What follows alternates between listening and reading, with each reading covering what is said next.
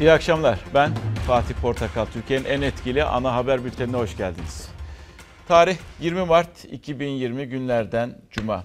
Tabela herkes diyor, yetkililer diyor, dünya diyor, evde olalım, dışarı çıkmayalım, teması az yapalım, mümkün olduğunca e, kendi bulunduğumuz mekanların dışına e, çıkmamakta fayda var. İzole olalım bir müddet. İşte biz de ona uygun bir şeyler bulalım dedik. Biraz daha olayı hani e, yalvarma pozisyonuna da biraz da öyle sokarak tabii incelikle birlikte ne olur evde olalım. Hani deriz ya aman ne olur çıkma. Ne olur evde olalım. Bugünkü tabelamız, bu akşamki tabelamız. Çünkü neden biliyor musunuz? Bir bilgiye dayalı değil. Ama e, eğer biz kendimiz vatandaş olarak bu sorumluluğu alırsak, evlerimizde olursak veya kendimizi maksimum oranda izole edersek olası bir evden çıkma yasağı gibi bir durumla karşılaşmayabiliriz. Yaşanmayabilir. Belki hükümet bunu test ediyor. Şu anda sorumluluğun bir kısmını da haklı olarak bize veriyor. Acaba yurttaş kendini buna hazırlayabiliyor mu? Bunu kendi önlemini alabiliyor mu? Bu bilinçte mi? Bu bilinçte mi belki de bunu test ediyor. Biz eğer bunu başarabilirsek e, sokağa çıkma yasağı önümüzdeki günlerde olmayabilir. Birçok ülke çünkü uyguluyor bunu. Tabela ne olur evde olalım. Birazdan e, bu korona ile ilgili haberleri vereceğiz. Ne var ki koronayı tartışırken artık bir müddet unutmuştuk onu. Daha doğrusu aklımızdaydı ama koronadan yer bulmuyordu. Ee, Suriye İdlib'deki gelişmeler çünkü biliyorsunuz yapılan Moskova mutabakatı ile birlikte Türkiye ve Rusya ortak devriyeye başladı. İdlib'de ve e, bundan sonra nasıl bir durum seyredeceğini de aslında çok fazla e, tahmin edemiyorduk. Oraya gerçekten bir kalıcı ateşkes mi yoksa geçici ateşkes mi? Hala daha bunun cevabını vermek mümkün değil. Ne var ki askerlerimize yönelik orada saldırılar da e, yaşandı ve 3 şehit verdik.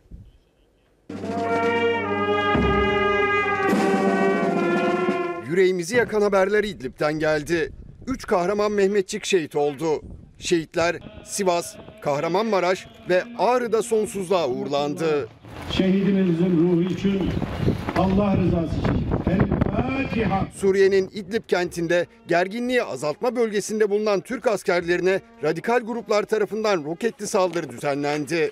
Saldırıda piyade uzman onbaşı Ramazan Nayir ve uzman onbaşı Oğuzhan Taş şehit oldu. Bir asker de yaralandı. İki yıllık asker olan 25 yaşındaki şehit piyade uzman onbaşı Ramazan Nayir bekardı. Baba Ocağı Sivas'ta yapılan cenazesinde koronavirüs önlemleri dikkat çekti.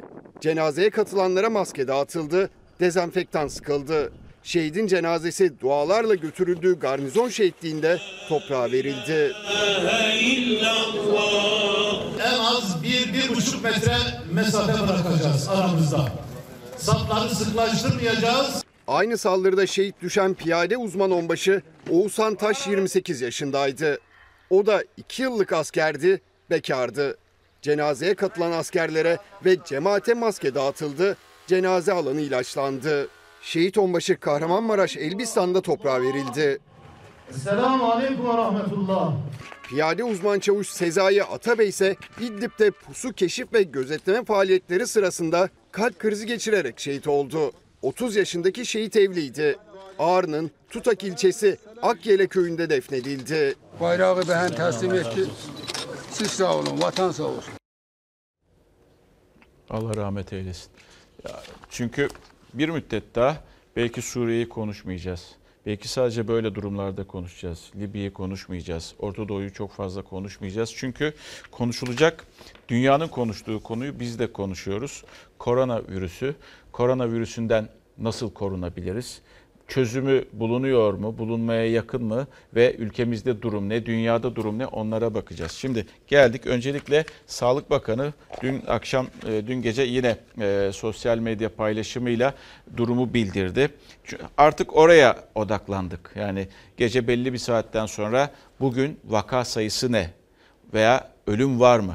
Açıklamasına göre 359 vaka var koronavirüsü e, tanısı konmuş. Yani hasta sayısı diyelim. 359 hasta sayısı var. 4 ölüm gerçekleşti. Ve e, bununla birlikte Fahrettin Koca'dan şöyle de bir mesaj var. Bakın bu önemli. İşte belki de buna riayet etmeliyiz veya bunun sorumluluğunu yurttaş olarak biz de üstümüze almalıyız. 2-3 hafta sıkı durmamız gerekiyor diyor Fahrettin Koca. Hızlı bir yayılım içinde e, olacağını önümüzdeki 2-3 haftanın bu anlamda çok çok önemli olduğunu biliyoruz. Toplam kaybımız maalesef 4 oldu. Acımız arttı ama başaracağız. 9. günde koronavirüs nedeniyle 4. kişi hayatını kaybetti. Vaka sayısı bir günde %90'lık artışla 359'a yükseldi. Sağlık Bakanı Fahrettin Koca hayatını kaybeden 4. kişinin 85 yaşında bir kadın hasta olduğunu söyledi. Son 24 saatte yapılan 1981 testten 168'i pozitif çıktı. 191 olan hasta sayımız 359'a ulaştı. Hastalarımızdan 81 yaşındaki bir hanımefendiyi kaybettik. Yine ili ilçesi ya da öyküsüne dair bir detay vermedi Bakan Koca ama ilk kez bir günde yapılan test sayısını açıkladı. Bakanın açıklamasına göre 19 Mart günü 1981 test yapıldı, 168'i pozitif çıktı. İşte bu rakamlarla vaka sayısı neredeyse ikiye katlandı. Kuluçka süresinin asgari 2, azami 14 gün olduğu gözlenmiştir. Bulaştırıcılık süresi kesin olarak bilinmemektedir. Bakan bulaştırıcılık süresine ilişkin net bir cümle kurmasa da 9 günde vaka sayısındaki artış hızı tabloya yansıdı. 11 Mart'ta ilk vaka ortaya çıktı. 2 gün sonra 13 Mart'ta 5 olarak açıklandı. 15 Mart'ta 18. İşte bu tarihten sonra her gün katlanarak yükseldi sayı. 16 Mart'ta 47 hasta olduğunu duyurdu bakan. 17 Mart'ta vaka sayısı 98'e yükseldi ve ilk ölüm haberi geldi. Koronavirüsle mücadelemizde ilk kez bir hastamı kaybettim. 18 Mart'ta koronavirüsü hasta sayısı 191 olurken 61 yaşındaki erkek bir hastayla emekli Kara Kuvvetleri Komutanı Aytaç Yalman'ın da koronavirüsten hayatını kaybettiği açıklandı. Yani virüs kaynaklı vefat edenlerin sayısı 3'e yükseldi. 19 Mart günü ise koronavirüs hasta sayısını 359, hayatını kaybedenlerin sayısını da 4 olarak duyurdu Fahrettin Koca. Yeni gündeki vaka sayısına ilişkin yeni açıklama yapmadı henüz. Bu akşam e, veya gece yarısına doğru bir açıklama yapma ihtimali var. E, Umarız yapmaz. Ama e, neticede böyle bir e, artık rutine binen bir süreç yaşıyoruz. 11 Mart'ta ilk vaka görülmüştü. O grafikte bu şekilde gidiyor. Bugün 19 Mart aradan 8. gündeyiz. E, birden 359'a çıktı. 4 ölüm var. Tabii e, bu akşam e, yapılacak bir açıklama olur mu olmaz mı onu da göreceğiz. Sağlık Bakanlığı'ndan bir e, genelge bugün yayınlandı. Daha doğrusu hem Sağlık Bakanlığı hem Çevre Bakanlığı'ndan genelgeler vardı. Ankara'ya gideceğiz. Bakanlıktan koronavirüs genelgesi. Peki ne anlama geliyordu bu? Engin karşımızda. Engin Sağlık Bakanlığı'ndan açıklama var genelge. Şimdi de onun bir ta, gösterisi grafiğini verdik arkaya. Bu ne anlama geliyor bu genelge? Nasıl anlayacağız bunu? Aslında o verdiğimiz grafikle bağdaştırabiliriz. Yani grafikteki ok yükseldikçe önümüzdeki günlerde hastanelere, sağlık çalışanlarına, hastanelere e, talep de ihtiyaç da daha fazla artacak. Onunla ilgili Fatih Portakal hastanelerdeki yoğunluğu azaltmak adına 81 ildeki hastanelere, devlet hastanelerine, Sosyal Güvenlik Kurumu'na bir genelge gönderdi Sağlık Bakanlığı. Bir kere acil olmayan ameliyatların ertelenmesini istedi. Bu çok önemli. Acil olmayan ameliyatlar ertelensin dedi. Acil bir durum olmayan hastaların aile hekimlerine yönlendirilmesini söyledi. Maddelerden bir tanesi bu hastanelerde, hastanelerdeki yoğunluğu azaltmak için kronik hastalık nedeniyle takip edilen hastalara verilen muayene sürelerinin uzatılmasını, aradaki makasın uzatılmasını söyledi ki onların da hastaneye geliş aralıkları uzun olsun ve o yoğunluk azaltılsın. Bir diğer yine sağlık turizmi kapsamında yurt dışından da çok fazla insan geliyor Türkiye'ye. Onların ertelenmesini söyledi. Sağlık Bakanlığı bu genelgesinde. Yine kronik hastalık ve engellik nedeniyle raporlu olan kişilerin raporları eğer devam ediyorsa onların da raporlarının uzatmasını yönündeki taleplerinin ertelenmesi. Yani bu şu anlama geliyor aslında bunları saydığımızda ameliyatlar, acil olmayanlar ertelensin.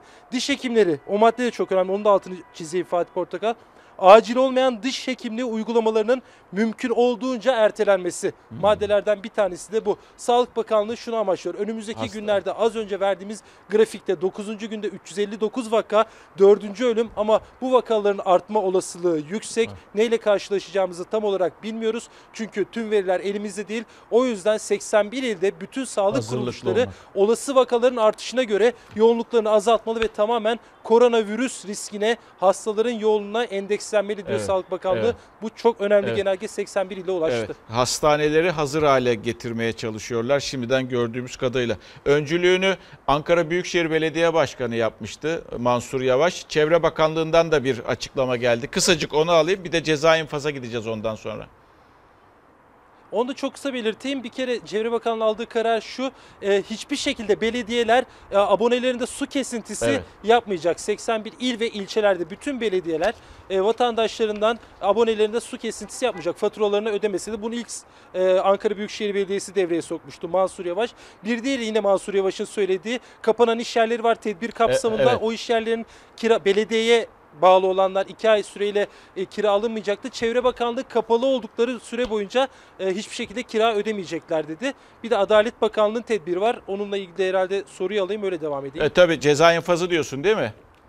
Evet. Evet, ya Aynen. bu Şimdi şimdi- Adalet Bakanlığı da Ha, lütfen e, sen de şunu merak ediyorum. Koronavirüs vakası olması, bu olayın Türkiye'de görülmesi, bu ceza infazı, e, siz- e, ceza infaz düzenlemesini hızlandırmış olabilir mi? Öyle görünüyor Fatih Portakal. Aslında bu düzenleme tabii ki iktidarın gündemindeydi. Ee, uzun süredir gündemindeydi ama rafa kalkmış gibi duruyordu. Öyle. Ama bu koronavirüs riski nedeniyle hızlandırma talimatı verdiğini Cumhurbaşkanı Erdoğan'ın en azından bu süreçte böyle algılandığını söyleyebiliriz. Önceki gün Çankaya Köşkü'nde Adalet Bakanı, İçişleri Bakanı'nın katılım ve kurmaylarıyla bir toplantı yaptı ve hızlandırın talimatı Evet. verdiğini biliyoruz. Ceza infaz yasası önümüzdeki hafta taslak meclise gelecek, muhalefetle görüşecek e, iktidar partisi ve ondan sonraki hafta o artık son rötuşlar yapıldıktan sonra da meclisin gündemine gelmesi bekleniyor. Çünkü yaklaşık 300 bine yakın mahkum var. Kapasitenin çok çok üzerinde Üstünde, ve her doğru. gün yeni mahkumlar cezaevine Doğru, gidiyor. doğru. Bugün için cezaevlerinde bir koronavirüs olmasa Doğru. da pozitif sonuç çıkmamış olsa da yeni giren mahkumlarla ve Doğru. ilerleyen günlerle bu risk artıyor. Bu yüzden e, bu düzenlemeyi Peki. de öne alıyor gibiler. Peki çok teşekkürler. Önümüzdeki hafta meclise gelecek. E, muhalefetin de destek vereceğini e, en azından ilk açıklamalardan anlıyoruz. Şu e, notu da ben düşeyim. Yaklaşık eğer bu düzenleme yasalaşacak olursa e, 100 bin tahliyenin olabileceği söyleniyor. 100 bin civarında bir sayıdan bahsediliyor. Tutuklu olanların da serbest olarak yararlanmasına olanak sağlayacak e, düzenlemeler de yine bu paketin içerisinde olacak. Ama net maddeleri önümüzdeki hafta görürüz diye tahmin ediyorum. Tabii dünyayı merak ediyorsunuz. Çünkü dünya da bu meseleyi konuşuyor. E, Yani Asya'sı öyle, Orta Doğu'su öyle, bizim bulunduğumuz coğrafya, e, Avrupa, Amerika ve can kaybı 10 bini aştı. Şu an için 10 bini aştı. Tabii e, en çok konuşulan yerde Avrupa'da İtalya. İtalya hayatını kaybedenler açısından sayıya baktığımızda Çin'i geçti. Çin'in özelliği neydi? Çin Çin'in Wuhan kentinde ilk görülmüştü. Merkez üssü Çin'in Wuhan kentiydi. Sadece o değil, e, bir de Fransa'ya bakmak gerekiyor. Macron'un bir açıklaması var. Bu tedirgin edici bir açıklama Avrupa için ve tabii ki herkes için. Krizin henüz başındayız. Dünyada koronavirüsten can kaybı 10 bini aştı. İtalya'da hayatını kaybedenlerin sayısı Çin'i geçti. Birleşmiş Milletler virüsün yayılmasına izin verirsek milyonlarca insan ölecek uyarısı yaptı. Covid-19 dünyada 246 binden fazla kişiye bulaştı. Salgının başladığı günden bu yana dünyada 10.040 kişi hayatını kaybetti. Tedavi gören 86 bin kişi ise iyileşti. İtalya'da bir günde 427 kişi hayatını kaybetti. Toplam can kaybı 3405'e ulaştı. Son kayıplarla İtalya 3250 can kaybı olan Çin'i geçti. İtalya'da hayatını kaybedenlerin yaşının ortalaması ise 79. İspanya'da 235 kişinin daha yaşamını yitirmesiyle ölü sayısı bini aştı. Vaka sayısı 20 bine yaklaştı. Fransa'da da kötü gidişat sürdü. Bir gün içinde 108 kişi hayatını kaybetti. Can kaybı 372'ye yükseldi. Cumhurbaşkanı Macron, salgının yol açtığı krizin henüz başında olduklarını söyledi. Salgına karşı farklı strateji izleyen İngiltere'de can kaybı 144'e yükseldi. Başbakan Johnson, alınan önlemler sonrası 12 haftada durumu tersine çevirebiliriz açıklaması yaptı. Sonradan strateji değiştiren İngiltere'de 65 bin emekli doktor ve hemşire göreve çağrılıyor. 44 kişinin hayatını kaybettiği Almanya'da bir günde 3000 hasta ortaya çıktı. Toplam vaka sayısı 15 bine yaklaştı. Vaka sayısına göre en düşük ölüm oranının yaşandığı ülke Almanya. Buna rağmen Bavyera eyaletinde sokağa çıkma yasağı ilan edildi. İran'da bir günde 149 kişi daha hayatını kaybetti. Ölü sayısı 1433'e yükseldi. Amerika Birleşik Devletleri'nde can kaybı 200 kişiyi aştı. Kaliforniya valisinin evde kalın çağrısıyla 40 milyon kişi evlerine kapandı. New York valisi ise kritik tıbbi malzemelerin 2-3 hafta içinde biteceğini açıkladı. Birleşmiş Milletler'dense dünyayı korkutan açıklama geldi. En fakir ve en savunmasız ülkeler en sert darbeyi alacak. Virüsün özellikle dünyanın en savunmasız bölgelerinde orman yangını gibi yayılmasına izin verirsek milyonlarca insan ölecek. Salgının görüldüğü Çin'de ise iki gündür yeni koronavirüs vakası yaşanmıyor. Ülkede sıkı tedbirler devam ediyor. Salgının çıktığı Wuhan kenti hala giriş çıkışlara kapalı. 14 gün boyunca şehirde yeni vakaya rastlanmaması halinde karantina kaldırılacak. Tabii nasıl bir e, yarın bizi bekliyor? Bu koronavirüs belasının sonrasında nasıl bir dünya düzeni kurulacak? Aynı düzen devam mı edecek yoksa farklılık gösterecek mi? Böyle gider mi sorusunun yanıtı belki birkaç ay sonra hep birlikte göreceğiz. Sami Koyan bugün Milliyet'te köşesinde bakın ne diyor? Şöyle demiş Usta Kalem.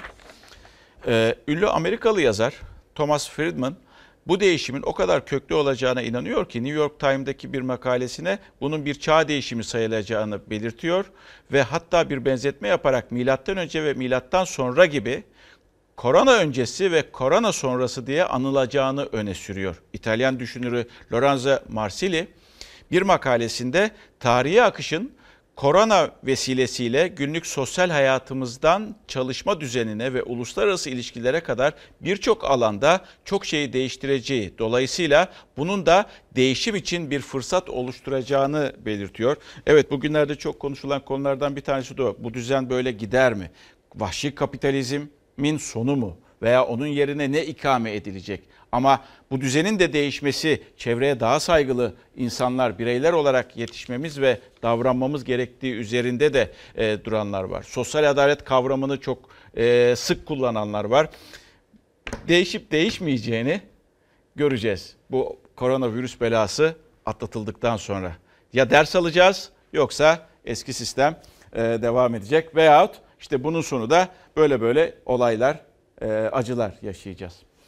Ve bugün günlerden cumaydı. E, Cuma namazı e, olacak mı olmayacak mı? Aslında günler öncesinden bunun mesajı verilmişti e, Diyanet İşleri Başkanı tarafından. E, ve bugün ilk cumaydı. Cemaatsiz cuma vardı.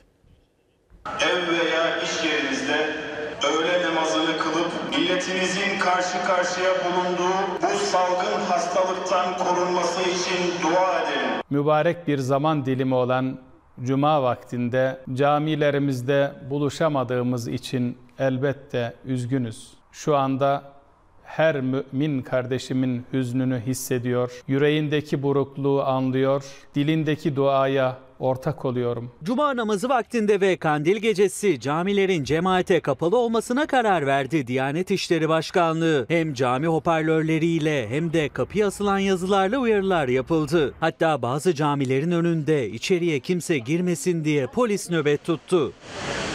Bulaşıcı hastalıklara karşı gereken koruyucu ve önleyici tedbirleri almak da bu bağlamda bizzat Peygamber Efendimiz tarafından emredilmiştir. Kalabalığın bir arada olmasının en büyük risk olduğunu söyleyen uzmanların uyarısı dikkate alındı. Diyanet İşleri Başkanlığı cuma namazında camilerin kapalı olacağını duyurdu. Cuma namazı yerine evde öğle namazı kılınabilir denildi. Cami avlusu bomboş. Cuma namazı vakti. Kapılar ilk kez cuma namazını kılmak isteyenler için camilerde kapatıldı. Hemen yan taraftaysa kapının ikinci bir emre kadar cemaatle namaz kılınmayacak yazıları asıldı. Normal namazı kılmak için geldim. Yaş 80. İlk defa böyle gördüm. Yine de caminin yolunu tutanlar vardı. Özellikle de risk grubundaki 60 yaş üstü. Kapıyı kapalı görünce gözyaşlarını tutamayanlar oldu. Cuma namazını iştirak ederiz diye düşündük ama olmuyor tabii. Cami fitne yeri değil, kargaşa yeri değil. Alınan duyumlar öyle ki cuma namazında daha da zirveye çıkarmak isteyenler var idi. Kararda imzası olan Din İşleri Yüksek Kurulu üyelerinden Sabri Akpolat, Kandil Gecesi de geçerli olacak yasağın sebebini böyle anlattı. Ancak Şanlıurfa'da caminin kilitli kapısını zorlayanlar oldu. Polis engelledi. Karabük'te de yaklaşık 20 kişi uyarılara rağmen cami avlusunda yan yana saf tuttu. Ve e, az önce e, Sami Koyen'in yazısını okudum ya. Bugün bir arkadaşım var. E, ismini vermeyeyim. Onunla da böyle karşılıklı konuşuyoruz, ediyoruz. İşte vahşi kapitalizm şudur budur, e, kapitalizmin sonu mu, yani neoliberal politikaların bitimi mi vesaire gibi şeyler konuşuluyor, edilirken o bir tabir buldu. E, finansal monarşi tabirini buldu veya böyle bir isim buldu. E, bunun bunların yıkılışını belki göreceğiz önümüzdeki günlerde dedi. Bekleyeceğiz, göreceğiz. İnsanoğlu kendine çeki düzen verecek mi, vermeyecek mi? Daha doğrusu yönetenler, yönetenler nasıl yönetecek bundan sonra? Ee, hepsini yaşayıp görmüş olacağız. Şimdi e, bir şey vereceğim. Mücadelede başarılı olacak ülkelerden önce ilaçlarla da ilgili biraz da umut da vermek gerekiyor. Mesela İtalya'da 79 yaşında bir hastaya Ebola için, geçmişte Ebola için üretilen ama başarılı olmayan bir ilaç uygulanmış ve e, e, o, olumlu e, tedaviye olumlu cevap vermiş. Belki bir umuttur bu da koronavirüsü için. Rusya'dan bir haber geldi. Rusya'da Sibirya'daki laboratuvarlarında e, koronavirüsüne karşı e, potansiyel aşıyı hayvanlarda denemeye başlamışlar.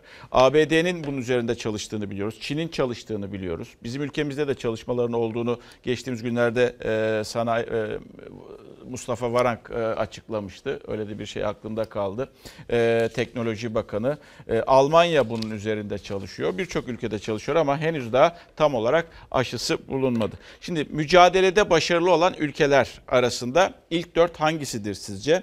Çin, Singapur, Güney Kore ve Almanya. Diyeceksiniz ki bunların başarısı neydi? İzleyiniz.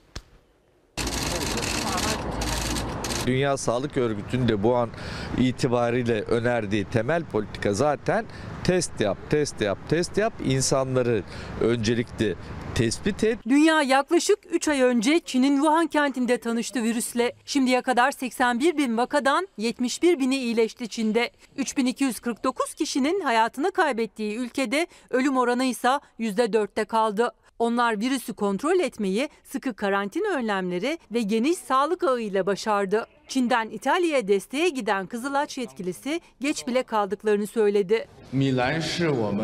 Wuhan kentini bir ay kapatınca hastaneler ancak başa çıkabilir hale geldi. Wuhan şehrinde onlar çok katı bir karantina, izolasyon tecrit ederek giriş çıkışları yasaklayarak bunu kontrol altına almayı başardıklarını görüyoruz. Güney Kore'de de Çin'den hemen sonra görüldü koronavirüs. Karantinanın yanı sıra testlerin yaygınlaşması da başarı sağladı. Testleri çok yaygın yaparak hastalık bulaşan insanları tespit ettiler. Koronavirüs bulaşan insanlar ve onların temas ettiği risk altındaki potansiyel bulaşma olabilecek insanları gene e, karantinaya alarak yayılmasını önlediler. Ciddi bir sınır kapatma uygulamasına gitti Güney Kore. Hastalık 8652 kişiye bulaştı. Ancak onlar erken teşhis etti ve sağlık hizmetlerini doğru çalıştırdı.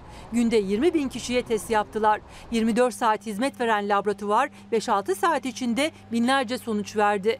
Böylece hayatını kaybedenlerin sayısı 94'te kaldı. Aynı zamanda hastalığın yayılmasını yavaşlatmak, sağlık kurumlarının kapasitesini hastalık hasta insanlara hizmet verebilecek şekilde tutabilmek. Çünkü bir anda e, bir hastanenize sizin bir gün içinde bin hasta gelirse yatmak ihtiyacı hisseden bunu karşılayamazsınız. Ama siz bu bin kişiyi yıl boyunca gelirse onu karşılayabilirsiniz. Bu politikalarla gidiyorlar. Singapur Çin'e yakın olduğu için büyük tehlike altındaki ülkelerden biriydi. O da Güney Kore gibi Çin'den iki gün sonra başladı virüsle mücadeleye. 23 Ocak'tan bu yana sadece 385 kişiye bulaştı. Bunların 131'i iyileşti ve tek bir can kaybı bile yaşanmadı. Hem test hem de katı izolasyon kuralları uygulandı Singapur'da. Kurallara uymamanın cezası 10 bin dolar ya da 6 ay hapis cezası olarak belirlendi.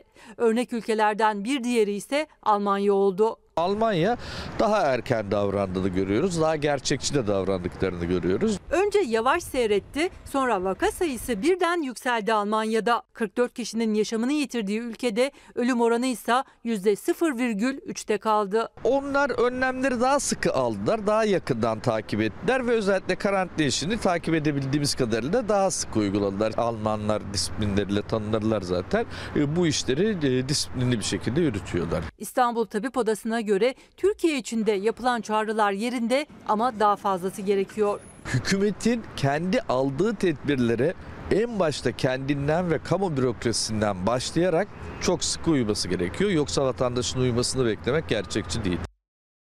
Birçok özel sektör biliyorsunuz bizim şirkette de öyle kanalda kendi önlemlerini aldı. İşte e, evden çalışmalar var. Birçok insan işe gelmiyor ama şöyle bir bakıyorsunuz kamuda aslında e, yine de bir takım tedbirler var. Ne var ki oradan gelen çok mesaj olduğu için paylaşıyorum. İnsanlar e, biz ne olacağız sorusunu soruyorlar. Yani bizim de başımız e, ağrıyabilir veya endişesiyle yaşıyorlar. Tabii bu mücadeleyi e, kimler veriyor? Bunun tedavi mücadelesini dünyada olduğu gibi ülkemizde de sağlıkçılar veriyor. İyi ki varsınız bir kere. Onu öncelikle söyleyelim. Ve e, sizlerin e, cansiperhane bir şekilde e, nasıl çalıştığınızı da görüyoruz. Ablam da bir sağlıkçı olduğu için oradan da biliyorum. Öncelikle ben de sizi tüm Fox adına e, ve kendi adıma alkışlamak istiyorum. İyi ki varsınız. Ve sizlerin daha fazla sorunlarınızın olduğunu da biliyoruz aslında. Bunu ben demiyorum. Bunu Sağlık Bakanı Fahrettin Koca sizlere Türkiye Büyük Millet Meclisi'nde alkış isterken söyledi ama kelimesini de sonuna ekledi.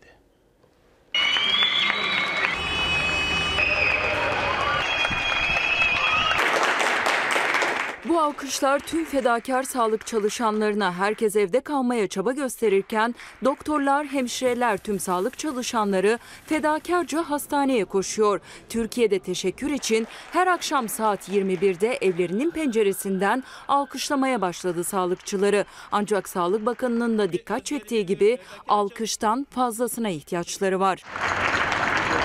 Siz neredeydiniz o zaman? Ee, Ben de yine balkonda e, kendimi alkışlıyordum. Sizden onlar için bir alkış istiyorum. Ama sadece alkış değil.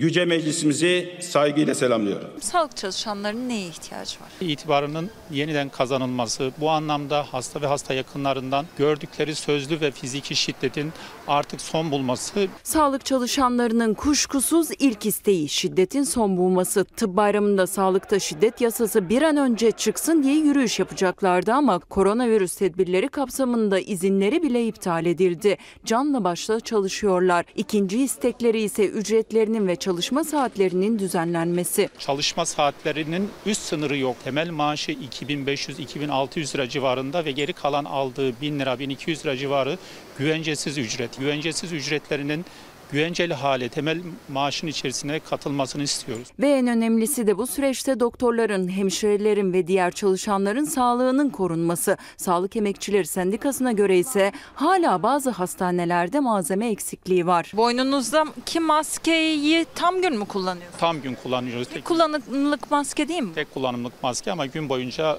bunu kullanmamız isteniyor. Yemek yiyor, ellerini yıkıyorlar, çıkarıyorlar, nefes alıyor, ofislere girip çıkıyorlar. Normalde çalıştığı bölgenin dışına çıktığı zaman bunları çıkarıp çöp atması gerekiyor. Ama biz bunları atamıyoruz çünkü akşama kadar kullanmamız isteniyor. Bazı hastanelerde e, sağlık çalışanları talep etmelerine rağmen maskelerin olmadığı ifade ediliyor. Kendi ceplerinden, eczanelerden maskelerini kendileri temin ediyorlar. Sağlıkçılar gibi alkışın yeterli olmadığını muhalefet de söylüyor. CHP atama bekleyenleri hatırlattı. Yani meclise gelip sağlıkçılar için alkış yapalım. Güzel atama bekleyen sağlıkçının bu konudaki sesini Sağlık Bakanı duymalıdır. Duyuyor ama duyması gerekenlere de duyurmalıdır. İki akşam daha sürecek. E, Saat 21'de e, bu e, etkinlik veya bu alkış etkinliği devam edecek. Şimdi İspanya mesela bakın çok ilginç bir bilgi bu. E, Tüm özel hastaneleri kamulaştırdı. E, Mücadele edebilmek için. Çünkü önünü göremeyen ülkelerden bir tanesi de İspanya. Evet, koronavirüsünde ülkeler e, sağlık tedbirlerini almaya çalışıyorlar ama bir de insanlarını kurtarmak için, hayata bağlayabilmek için ama bir de bunun artık bu bulunduğumuz dünyada, e, günümüz dünyasında ekonomi boyutu var. Ve ekonomi boyutunda her ülke e, bir şekilde paket sunuyor yurttaşına. Yani e, mağdur olmaması için. İşte Türkiye'de de geçtiğimiz günlerde iki gün önce açıklandı. Ekonomik istikrar kalkanı dendi. Ha, kimi eğer maddelere baktığınızda e, kimin yüzü güldü diyecek olursanız işverenin, sermayenin yüzü güldü. Zaten bunu ben söylemiyorum.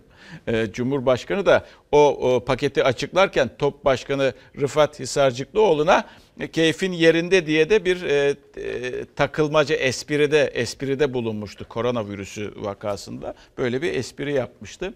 Heh, şimdi gelelim e, buna tepkiler nasıl diyeceksiniz. E, en önemli cümlelerden bir tanesini Meral Akşener kurdu. Tarihi bir fırsattan bahsetti. Yani bu belki değişimin de e, sinyali olacak da olabilir. Garantili yolları, köprüleri devlet devletleştirin.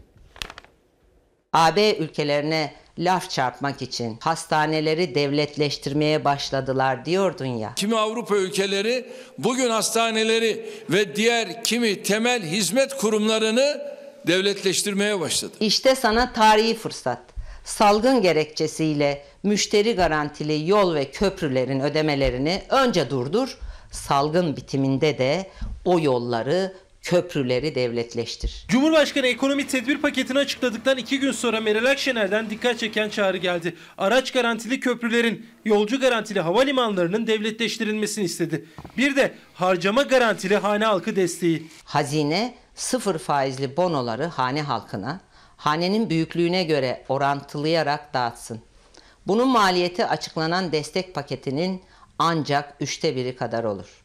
Bu bonoyu alan hane halkı ister aylık tüketiminin bir kısmını bu bonoyu paraya çevirerek yapsın, isterse saklasın, ihtiyacı olduğunda kullansın. Finansman için işsizlik sigorta fonu ya da varlık fonunu kullanabilirsiniz. Akşener'in bu teklifine iktidar nasıl yanıt verecek bilinmiyor ama siyaset iki gündür 19 maddelik ekonomi paketini konuşuyor. Sayın Erdoğan öğrenciyi, çiftçiyi unutuyor ama her zaman olduğu gibi sevgili ve yandaş müteahhitlerini unutmuyor. 500 bin liranın altındaki konutlarda kredilendirilebilir miktarını yüzde seksenden yüzde doksana çıkartacak asgari peşinatı yüzde ona düşüreceğiz. Beşli çetenin bir yıl alacaklarını ötelersiniz. Bunlar batmaz. Batsalar da siz zaten bunları batırmazsınız. Bir çaresini bulursunuz.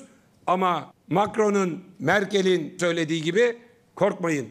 Kimse aç kalmayacak, kimse susuz kalmayacak diyebilirsiniz. İç hava yolu taşımacılığında 3 ay süreyle KDV oranını yüzde 18'den yüzde 1'e indiriyoruz. Sayın Erdoğan hem tedbirli olup dışarı çıkmamamız gerektiğini söylüyor hem de uçak biletlerindeki KDV'yi indiriyor. Akşener pakette olumlu bulduğu düzenlemeleri de sıraladı. Eksik gördüğü noktaları da çiftçi ve öğrencilerin kredi borçlarının 3 ay ertelenmesini ve yeniden yapılandırılmasını önerdi. Şimdi bakınız bu önemli bir konu.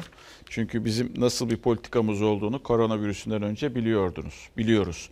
E, müteahhitlere yaptıralım havalimanları, köprüler, tüneller, hastaneler ve geçmedi anlaşmalar zaten ortada ama göremiyorsunuz içeriğini. Daha sonra da geçmediğimiz yolun, e, tünelin ve esarenin e, parasını verelim. İhtiyat akçeleri de büyük bir ihtimal oralara gitti. Çiğdem Toker bugün bakın ne diyor? Uzun bir yazıdan bir bölüm aldım. Sırf bu ülkenin yurttaşı ve vergi yükümlüsü olduğumuz için geçsek de geçmesek de köprülerde, tünellerde garanti edilen araç trafiğini havalimanlarında ve Ankara Yüksek Hızlı Tren garında yolcu başına ödenecek tarifeyi Sağlık Bakanlığı'nın her birine ayrı ayrı kiracı olduğu şehir hastanelerine kira bedelleri ile diğer gelirlerin faturalarını aslında biz ödüyoruz biliyorsunuz. 2020 yılı bütçesinden söz ettiğim bu garantiler için şirketlere ödenmek üzere ayrılan pay 18.9 milyar TL. Sizler bu sözleşmeleri görmediniz, göremiyorsunuz. Okuma imkanınız yok. Siz bilmiyorsunuz çünkü iktidar böyle istiyor diyor. Evet belki de iktidar iktidar da politikalarını yani şimdiye kadar uyguladığı politikaları e, gözden geçirmek zorunda. Neden zorunda? Erdoğan'ın sözünden dolayı. Çünkü yeni bir e, sistemin olunması gerektiğini kendisi dile getirdi ama nasıl bir sistem onu bilmiyoruz. Yine e, bu açıklanan bu koruma kalkanı içerisinde kısa e, kısa çalışma ödeneği diye bir e, olaydan bahsedildi. Yani bu ne demektir? İşte o, olağanüstü durumlarda işçinin maaşının yarısını devlet tarafından karşılanması demektir. Yani işçi e, çıkarılmasın diye işverene de destek aynı zamanda. işverene destek aynı zamanda. Peki nasıl olacak? Nasıl yürüyecek? Bizim kadromuz 17 kişi.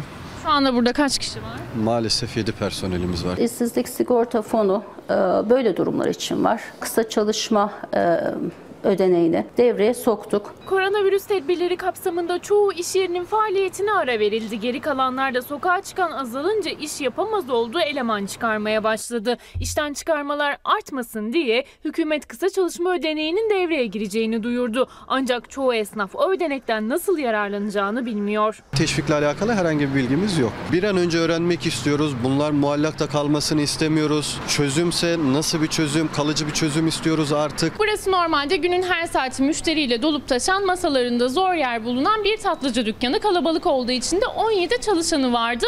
Onu işten çıkarıldı. 7'si kaldı son dönemde. Bizim gücümüz şu anda 7 kişiye yetiyor. 7 kişiye istihdam yaratabiliyoruz. Çalışanlarınızın da kirası var, faturaları var. Onlar ne yapıyor? İlla ki yani onunla ilgili zaten biz burada faturasını ödeyemeyen e, personelimize elimizden geldiği kadarıyla yardımcı olmaya çalışıyoruz. Kısa çalışma ödeneği belli sebeplerle kısmen ya da tamamen işletmenin en az 4 hafta süreyle kapanması halinde. Sigortalı çalışanlara devletin ödediği maaş desteği. Peki işveren bu ödenekten nasıl yararlanacak? İlk yapılması gereken işkura başvuru. Bir ay süreyle faaliyet tamamen durdurulursa işverenler gerekli prosedürleri yerine getirip kısmi çalışma ödeneği için çalışanlarına aylık bir maaş ödenmesi için İşkur'a müracaatta bulunabiliyorlar. İşveren kısa çalışma ödeneği talep formunu doldurup çalışan bilgilerini İşkur'a bildirdikten sonra süreç başlıyor. Kısmi çalışma ödeneği son bürüt ücretin %60'ı tutarındadır. Bugün ülkemizde asgari ücret 2943 liradır. Kısmi çalışma ödeneği de en az 1752 lira, en fazla da 4380 liradır. Ancak işsizlik maaşında olduğu gibi bu ödenekten de tüm çalışanlar faydalanamıyor. İşçinin son 3 yılda en az 600 prim gününün olması, son 120 gündür de bir işverene bağlı olarak çalışıyor olması gerekiyor. Çalışma Bakanı Zehra Zümrüt Selçuk da bu şartların esnetilmesi için çalıştıklarını söyledi. Çalışma ne zaman tamamlanacak henüz belli değil. Daha fazla fayda sağlaması için e, belirli koşullarında esneklikler de sağlayacağız. Şimdi meclis kurumumuzla da işbirliği içindeyiz. Aslında e, vatandaşlar doğrudan kendilerini etkileyecek bir şeyler de bekliyordu bu koruma kalkanından. Ha, diyebilirsiniz ki ya emekli maaşı 1500 TL'ye yükseltildi. En düşük emekli maaşı. E, veyahut işte iki ay, iki ay sonra ödenecek olan bayram ikramiyesi erkene çekildi. Ama bu çok dokunan bir şey değildi aslında. Mesela dedik ya asgari ücrette vergiyi kaldırabilirdi.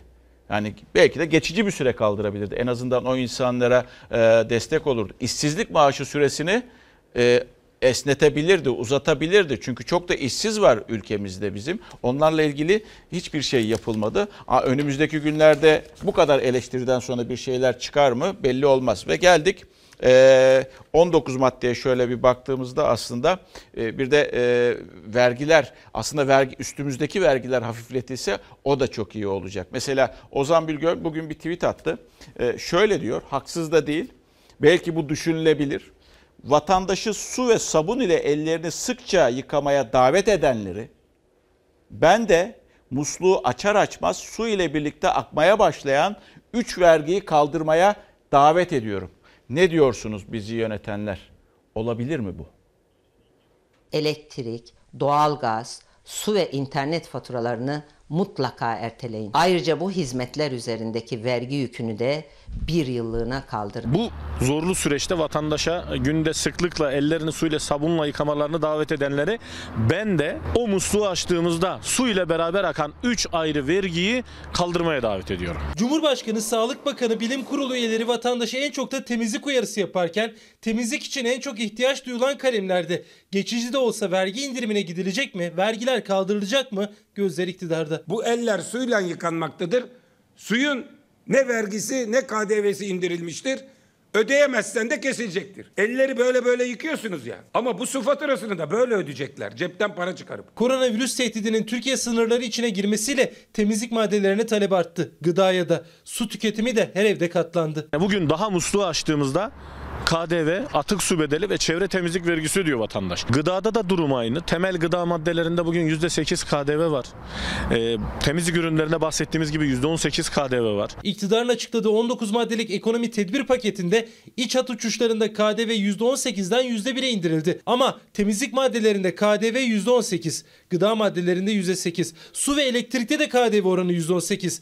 Doğalgazda KDV yanında özel tüketim vergisi de ödüyor vatandaş. E bu vatandaşa evde otur çıkmayın diyoruz. Elektriğe basacak 4 ayrı vergi var. Hadi evde kalacak havalar soğuk doğalgaz yaktım dese ya bugün bu ülkede doğalgaza özel tüketim vergisi ödeyecek. Vatandaşın ihtiyacı iç hava yolundaki bilet değil uçak bileti değil. İhtiyacı şu an zorunlu olduğu temel gıda maddeleri, temizlik ürünleri, elektrik, su, doğalgaz faturaları. Tüketimi canlı tutmak için tüm ürünlerdeki KDV oranlarını Haziran ayı sonuna kadar sıfırlayın. Yılın geri kalanında ise %50 indirimli olarak uygulayın. Muhalefet gibi vergi uzmanı Ozan Bingöl de vergi indiriminin en çok ihtiyaç duyulan kalemlerde temizlik, gıda maddeleri, elektrik, su, doğalgaz faturalarında olması gerektiğini söyledi. Faturalarını ödemesek dahi en azından vergileri kaldırarak geçici bir sürede olsa e, vatandaşı rahatlatmak gerekir. Vergi oranlarında bir düzenlemeye gidileceğine dair iktidardan bir işaret yok. Ama Mansur Yavaş'ın ardından Çevre Bakanlığı da su kesintileri için hamle yaptı. Belediyeler hiçbir gerekçeyle abonelere yönelik su kesintisi uygulamayacak. Yine belediyelerin kiracısı olup faaliyetleri durdurulan iş yerlerinden kapalı kaldıkları süre boyunca kira alınmayacak. Aslında e, iktidarın bunu bu adımı atması gerekiyor. Bakın birçok iş yeri şu anda kapalı ve birçok iş yerinde çalışan insanların çoğunluğu da ücretsiz olarak işten çıkartıldılar. Daha doğrusu izne çıkartıldılar. Ve bilmiyoruz e, belirsiz bir süre. O belirsiz sürenin sonunda belki diyecek ki imzalatacak diyecek gönüllü olarak çıktım veya ne bileyim başka bir kağıt imza atacak veya ben seni çıkardım diyecek. Şimdiden bunun da adımların atılması gerekiyor. O ücretsiz olan çıkartılan insanlar şöyle düşünüyorlar. Biz borcu olan bir milletiz ve aylık gelen gelire göre hayatımızı idame ediyoruz. Şimdi o insanlar para almadığı müddetçe elektriğe nasıl para ayıracak? E, kredi kartı borcuna nasıl para ayıracak? Doğalgaza, gıdaya nasıl para harcayacak? İktidarın bir an evvel böyle bir pakette vatandaşı koruyan kalkan Adı da bu olabilir mesela. Böyle bir şey e, uygulayabilirler. Bu arkada kalsın bir mesaj okuyacağım. Eczacıları da unutmayınız demişler. Eczacılar da sağlıkçı ve canla başla çalışıyorlar. Risk altındalar. Belirtirseniz sevinirim demiş Profesör Doktor Ekrem Sezik. Tabii ki onları da unutmuyoruz. İyi ki onlar da var diyoruz. Yani sizler bir bütünsünüz zaten. Ee, öyle olduğunu düşünüyoruz zaten. Ayırmamız da mümkün değil. Ve geldik Ankara'da bir eyleme. Muhasebeciler dediler ki biz yani çalışmak istemiyoruz şu anda. Biz de risk altındayız. Kendilerini zincirlediler Hazine ve Maliye e, Bakanlığı'nın önünde. Polis geldi. Ama korumasız bir e, yakın temas vardı. Hijyenik olmayan, hijyenik olmayan bir müdahale vardı. Ertelenme talebi gelene kadar burada 120 bin insanın hayatı söz konusu. Eylemci koronavirüs önlemini kısmen almış eldivenli. Onu gözaltına alan polisler korumasız. İlk koronavirüs eylemi gözaltıyla bitti. Polisin tedbirsiz yakın teması dikkat çekti. Ben bir şey yapmıyorum. Ben bir şey yapmıyorum. Ankara Serbest Muhasebeci ve Mali Müşavirler Odası yöneticileri yaklaşık 120 bin muhasebecinin koronavirüs riskiyle karşı karşıya olduğunu söyleyerek kendilerini Maliye Bakanlığı önünde zincirledi. Tüm beyan ve bildirim sürelerinin ertelenmesini, meslek mensuplarının vergi ve SGK prim borçlarının ertelenmesi istiyoruz. 120 bin muhasebeci ve mali müşavirin şirketlerden gelen yüz binlerce fatura ve evrakla temas ettiğini söyleyerek koronavirüse karşı korumasız olduklarını da altını çizdiler. Eldivenle yaptıkları basın açıklamasında. Millete tatil oluyor. Millet koronavirüsten ölecek ya. 120 bin insanın hayatı söz konusu. Polis eylemciler yakın temas halindeydi. Polis eldivensiz, eylemci eldivenli. Koronavirüs riski dahi gözaltı uygulamasındaki yöntemi değiştirmedi. Ben bir şey yapmıyorum. Bunu da bunu da al. bunu da. Hayatın her alanında virüse karşı tedbir alınırken polislerin hem kendileri hem de eylemciler için korumasız müdahalesi dikkat çekti. Durun ya kardeşim. Az önce Sağlık Bakanı sağlıkçıları alkışlatan ve başlayan o eylem vardı ama diye devam etmişti. Şimdi Uludağ Üniversitesi Tıp Fakültesinden bir mesaj gelmiş. Maske alamıyoruz çalışanlar olarak ve el dezenfektan sıkıntısı var. En azından ben iletmiş olayım ki sağlıkçılara da bu şekilde destek vermiş olalım. Ne olur evde olalım diyoruz. Bu hafta sonunu bu şekilde geçirelim ki önümüzdeki günlerde daha sert e, uygulamalar görmeyelim, yaşamayalım diye. Reklam. Kapatıyoruz sevgili izleyenler. Yarın daha mutlu, daha huzurlu, daha güvenli bir dünya ve tabii ki Türkiye'de buluşmak umuduyla. Hoşçakalın. Dostuma her köşesi